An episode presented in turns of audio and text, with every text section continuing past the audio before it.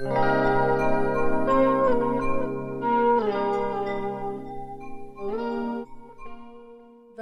til vår podkast 'Hav, handel og helse' fra NTNU i Ålesund. Mitt navn er Annik Magerholm Fet, og jeg er viserektor her ved NTNU i Ålesund. I dag skal vi få vite mer om kunstig intelligens og bærekraft. Og med meg i studio har jeg doktor Ricardo Torres, og han er professor ved Institutt for IKT og realfag. Welcome, Ricardo. During the campus week, we will have a seminar where the theme is artificial intelligence and sustainability. And together with Next Digital, researchers from NTNU will present their perspectives on, for example, drinking water, autonomous ships, and data systems for sustainability. Professor Ricardo Torres, you are one of the speakers, and you will talk about machine learning for complex data analysis. Can you explain what this is about? Yes, um, thank you for coming thank you for having me here. It's a great pleasure. Um, well, in this talk, I ex- am expected to talk a little bit about machine learning. So, this is the first um, concept. So, machine learning is related to a body of knowledge uh, uh, dedicated to the study of approaches that can learn from experience, that can learn from data in order to others many different kinds of applications. We're going to discuss some of those applications in the context of this of this presentation. Uh, especially uh, the target applications that I'd like to focus are those related to the management of complex data. So, what I mean by complex data, um, complex data for me uh, refers to uh, to heterogeneous data from different formats like images, graphs, time series, um, multimedia data in general. Uh, so we're not talking about uh, only on conventional data that we can store in regular um, database systems. We're talking about existing relationships among data uh, which are encoded uh, using different approaches. But um, Yes, we we collect data about everything nowadays. And uh, can you tell us how machine learning can help us to analyze these data? Yes, um, we have, you know, as you mentioned, uh, a plethora of sensors being deployed in many environments, and we have been able to um, manage or to deal with a huge amount of data.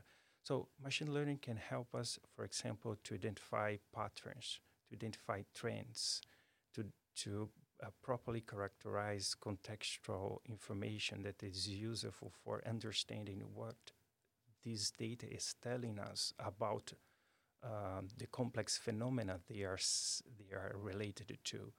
So, if we're able to establish connections among data to understand how different variables, for example, related to each other over time, we can use this kind of information to support our decisions, to predict what are going to happen in the future, to prepare ourselves to the future. Can you give us some examples on um, kind of work you have been doing on this? Yes. Um, for example, um, back in Brazil, I worked in a project related to phenology. Phenology is the area dedicated to the study of um, um the life cycle of living beings uh, subject to environmental conditions. Specifically in Brazil, we uh, investigated the life cycle of plants.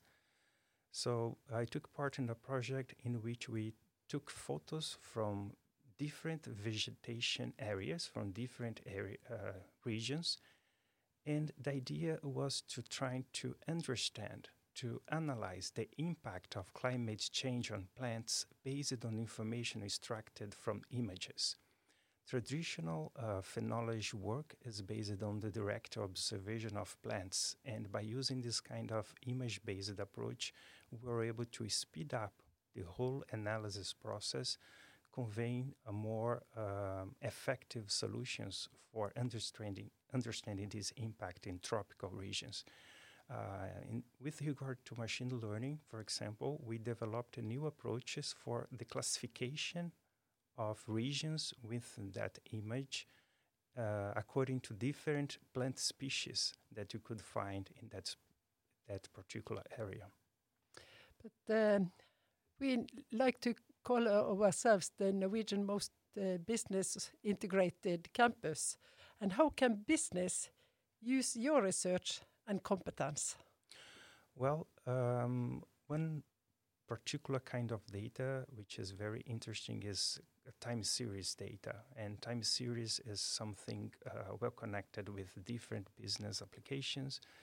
And uh, the definition of uh, suitable approaches for making predictions or, out of uh, time series data, um, the definition of approaches that could uh, help us to classify what is going on over time according to different categories uh, can definite um, uh, be a suitable uh, path for um, you know using this kind of machine learning solution in business applications.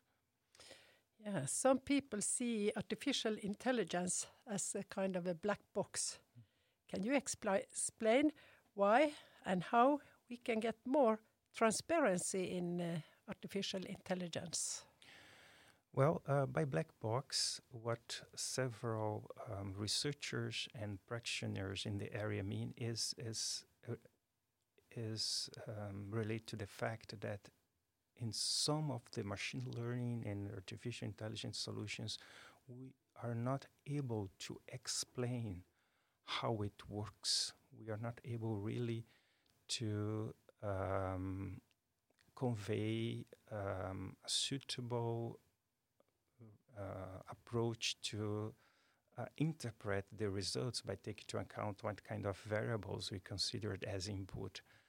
So, in this sense, in several applications, it's very uh, um, uh, challenging to use this kind of black box solution because we are in in those applications more interested in understanding the reasons for those uh, machine learning results instead of the result itself. For example, suppose that you have a, a machine learning solution that provide uh, with a good accuracy that a particular person is is suffering from a cancer given a set of parameters that they were that they were able to to learn from by take to account uh, by take to account, for example, um, um, time series associated with different variables collected from different patients. So if we're able to make this prediction, but we're not able to explain the cause, probably we can struggle to find a good treatment or uh, a good um, uh, solution that could improve uh, the quality life of that particular patient. So this is a kind of uh, application that we need explainable solutions. This area of finding uh, machine learning solutions which are at the same time explainable, which are interpretable, is a hot research topic in the area of machine learning. There are many relevant um, research groups trying to come up with theoretical and practical solutions for providing this explainability, this interpretability of machine learning approaches. This is something that probably uh, will would lead to very good solutions sometime soon. Interesting. And um, at NTNU, we have put sustainability high on our agenda. So, uh, what is the potential for art artificial intelligence and in machine learning to reach sustainability? Um, the the potential is huge. You know, when when you have uh, um, a set of solutions that can help you to make better decisions, to optimize process, to understand patterns and predict um, uh, the values for different variables for the future, we have the opportunity to uh, make uh, definitely the best choices in terms of sustainability operations. This is true not only for, of course, this uh, public uh, area, but also in, private sectors as well. Yes, um, sustainability analytics. That is a new area, research area here at uh, NTNU in Ålesund. And can you say something about your uh, visions for this uh, new research area?